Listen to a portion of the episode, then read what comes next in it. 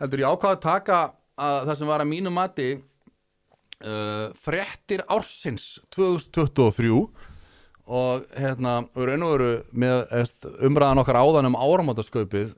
að, að það má alveg líka hafa þetta kannski hérna, þetta eru fréttirnar sem að einhverjum óskiljanlegum ástæðum rötuðu ekki í áramótasköpið sem alltaf hefði verið fullt tílendi til þess að, að, að hafa með í áramótasköpinu en nummer eitt og þar er ég sagt, með link á viðskiptablaðið en ég reyndar sko, ég reyndi að googla og ég reyndi að finna upprunlu uh, sagt fréttina á heimildinni. Einhvern veginn vegna þá bara náði ég ekki að grafa það upp. Kannski er þið búin að taka hann út. Kannski er búin að taka hann út, ég veit það ekki.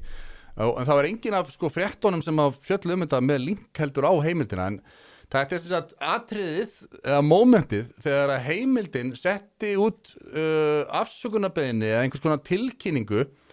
það sem að, að þeir sögðu svo að vegna umfjöllunar Frosta Lóðssonar um uh, starfsferil Eddu Falag þá hérna viðurkennir hún að, að,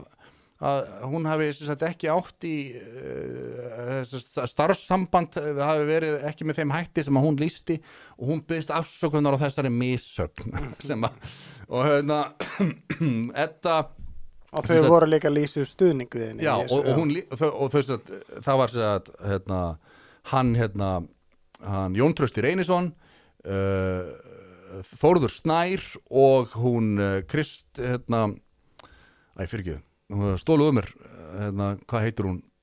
Rítsjöri heimildarnar já, já ah, allan að þau voru skrifuð undir stuðningsyfirlýsingu við Eddu Falag þrátt fyrir að það hefði komið í ljós að hún hefði byggt sagt, feril sinn á Íslandi á uh, legum um kynferðislegt uh, áreiti á vinnustöðum. Hún sagt, kom í, eins og þið munið það er óþarf að vera að rauða upp en ég gera það samt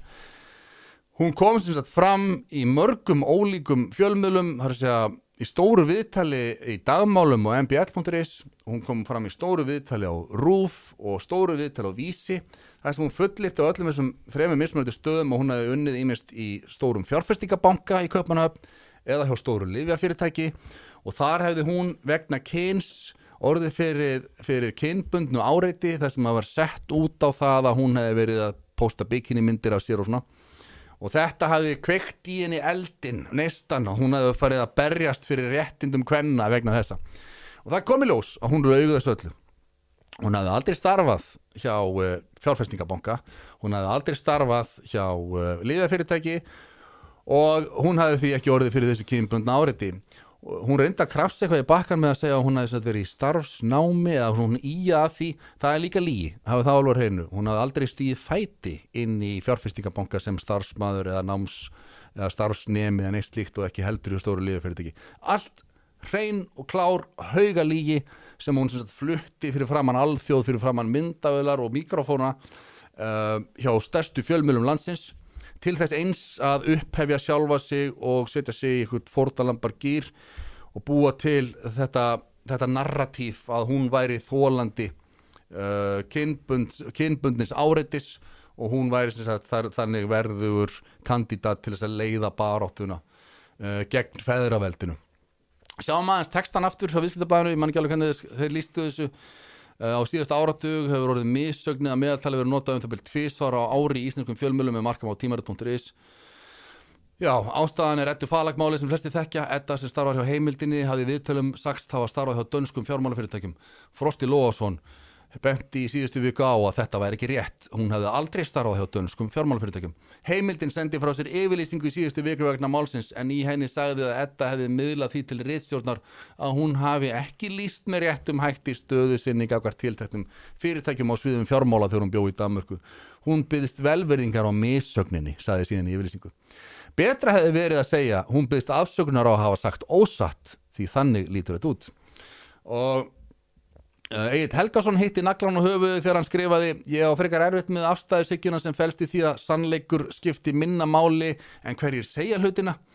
Ég er ekki viss um að það sé holdt fyrir samfélög og alls ekki fyrir fjölmila. Blaðamaður sem verður uppvísa því að segja sjálfur ósatt í viðtölum þarf að líta í speil og spyrja sér gaggrítna spurni, spurninga. Að nota orðið misögn ber ekki vottum að það hafi verið gert. Já, Þetta er punkturinn og hérna, þetta er þetta uh, þetta er þetta stórt mál fyrir uh, þjóðina alla til að læra af. Þetta var enn eitt svona Lúkasarmálið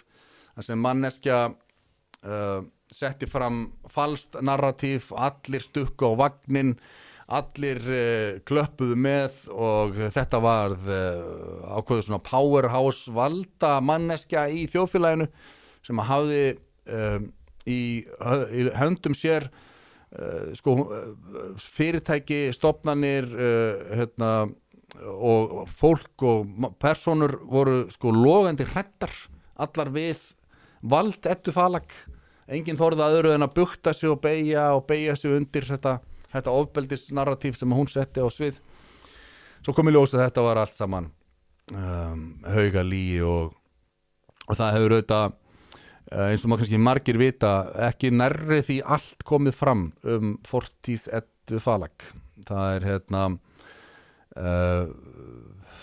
frásagnirnar sem margir hafa heyrt þá er náttúrulega ekki ratað í fjölmiðla eh, um hvernig uh, hún hagaði sér í samskiptum við uh, leigusala í, vegna íbúða í Danmörku og fyrirverandi kærastar uh, sem að lendu í ofbeldishótunum, uh, lígar, uh, það eru þjófnaðir og það er fleira sem að hefur ekki enn ratað í fjölmiðla en kemur kannski uh, kemur kannski upp á yfirborðið þegar að þetta falag ætlar að fara að gera sér breyða á ný. Það er ekki ólíklegt að, að þá muni það allt koma fram. Nú svo er það önnur grein frá heimildinni en það var þetta þingkonan sem að uh, sem að var staðin að því það var sett handtekinn á skemmtistænum Kiki eftir að hafa uh, sagt byrst sig og verið með læti við dýraverði hún var, satt, var staðin að því að var, var dauð, áfengisdauða virtist vera inn á klósetti skemmtistæðarins og það þurftu starfsmenn að brjóti purðina og hún brjálaðist og veiktist að uh, dýravörðum þangað til að uh, lögreglan mætti á svæðið og handtók hana. Og það sem að heimildin dró út úr þessu af því að frétta miðlar sögðu frá að hún hefði verið þarna döð og drukkin og lögreglan byrt í dagbók lögreglu að hún hefði þurft að koma klukkan 4.51 að skemmtist að að handtaka þar ofur ölvaðana einstakling. Að hérna og það sem að fréttamila greindu frá því að, að lögreglan hefði staðfest að þessi ofur ölvað einstaklingur hefði verið Ardís Anna Kristínadóttir Gunnarsdóttir Pírati. að þá hafi sem sagt hérna, uh, heimildin haft mestar ágjör af því að það verið að vera að leka upplýsingum. Uh, sem sagt í svari lögreglunar á höfbruksvæðinu við fyrirspurn heimildanar um það hvort það samaræmist vinnureglum lögreglunar að gefa það upp við nútíman í hvers konar ástandi Ardís Anna var þegar að lögreglan handtók hann á skemmtistað segir að það sé með öllu óheimilt að gefa slíkar upplýsingar upp og það verður nú tekið til skoðunar hjá lögreglu hvort slíkar upplýsingar hafi verið gefnur Þannig að heimildin sem að svo hérna, Komandi frá þeim já, er fyndnasta við þetta. Emmitt, bæði sko nafn miðilsins sem er heimildin uh, það sem að og allir blaðamenn sem þar starfa hafa mikið talað um þetta sko þetta mikilvæga uh, uh, frelsi blaðamanna til að hafa eftir heimildamönnum án þess að þurfa að, að, að, að gefa upp heimildamann sína. Heim, hérna, og, og þetta mikilvæga skref sem að tekið sko við að setja það í lög að, að vernda heimildamenn að hérna, þetta er það sem að fjölmiðin heimildin hefur talað fyrir alla tíð. En svo að því að hendar ekki þeirra málstað sko þegar að hérna, þegar að þeirra manneskja sem að er í þeirra liði uh, lendir í því að, að, hérna, að upplifa eitthvað sem er vandraðalegt að þá syns að er það, er, er það syns að það þarf að sko, rannsaka það sérstaklega hvort að lögreglan og nútíminn hafi verið einhver óeðlilegu kurli þannig þetta er náttúrulega hlægilegt fyrir að fyrsta og er ekki eitthvað, eitthvað mál í gangi hjá einhverjum sem vinna hjá heimildinni fyrir að gera eitthvað svona já, fyrir utan það náttúrulega sko, til rannsóknar mál það sem að hérna, það sem að uh, skipstjórin Páll Stengrinsson Já, var, var byrlað fyrir honum og eitrað þannig að hann lá sem sagt nær dauða en lífi var í lífsættu á gjörgjæstu landsbítalans þegar að síma hans var stólið Og það voru náttúrulega réttar upplýsingar Já. sem komið þar Já, og náttúrulega sko þar var verið að klekja á rétta fólkinu Já. sem gerir það leifilegt að, að hérna, gera hvað sem er í raun og veru og það var í raun og veru það sem við vorum með þetta í næstu Já. grein Páll Stengriðsson opnað sig um símamálið. Þetta var frétt sem að var sögð uh, hér á broadcast.is og það er viðtal við Pál Stengriðsson þar sem hann opnaði sem þetta mál. En blaðamenn heimildarinnar er mitt sko, þeir gera alltaf sko úr þessu eitthvað svona namibíu tengingu af því að samherji, útgerðarfélagi samherji á Akureyri hafi verið staðið að, að einhverju misjöfnu í Namibíu sem hefur undan ennþá ekki verið leitt til líkta að, að þá sem sagt er allt sem er við kemur Páli Stengrinsinni sem að því að hann var uh, skipstjóri hjá Samhera að þeir vilja einhvern veginn hann búa til einhverja Namibíu tengingur því. Þetta kemur því bara ekkert við eins og ég segi. Pál Stengrinsson lendir inn á gjörgjæslu uh, og það þarf að að, að, að, hérna, pumpa í hann lífi hann er nær döða en lífi eftir, eftir eitrun, hann var byrla fyrir honum. Og uh, ég sá blaðamann heimildarinnar í einhverjum áramóta þætti tala um það sko að þetta hefði verið hérna, svo forkastanlegt að einhverju blaðamenn séu til rannsóknar fyrir þetta og að hann skulle hafa fengið pláss hjá uh, mönnum eins og Frosta Logasinni og í mannlífi og svona að, að, að, það, að það búið að rjúfa þennan þagnar múr að, blallir blaðamenn á Íslandi meiga ekki segja hlið Pál Stengriðssonar en Pál Stengriðsson segir bara einfallega frá þessu ódæði sem hann lendir í. Og það er enginn sem að spyr sig í þessum áramóta þætti þar sem að Þóru Snærvar til dæmis uh, spurningar sem skipti máli sem er sagt það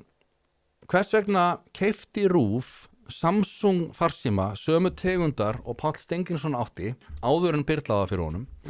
Og hvers vegna valdi Rúf í þann síma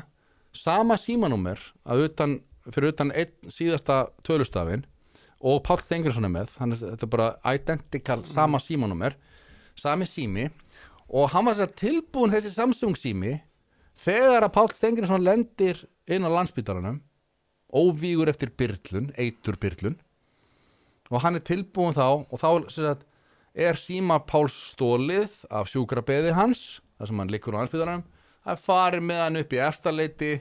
settir hliðin á Samsung símanum hinum og, og hann er afritaður Ég hef nú ekki verið mikill engaspegar en fyrir mig hljómar þess að þeir vissu jafnvel að síminn væri að fara að koma til þeirra. þið það? Já, að, þú veist, annars er þetta... mér finnst það allt og langt gengið hjá þeir að draga slíkar álíktanir en, en þessi spurning einhvern veginn eins og þegar Þórus Neður var að tala um þetta mál uh, og þegar að, að Aðarstedt Kjartansson er núna að tjá sig á, á að hérna, það er ekkert uh, enginn sem að spyr sig að þessu býtu, ættið aldrei að svara því hvernig kom það til að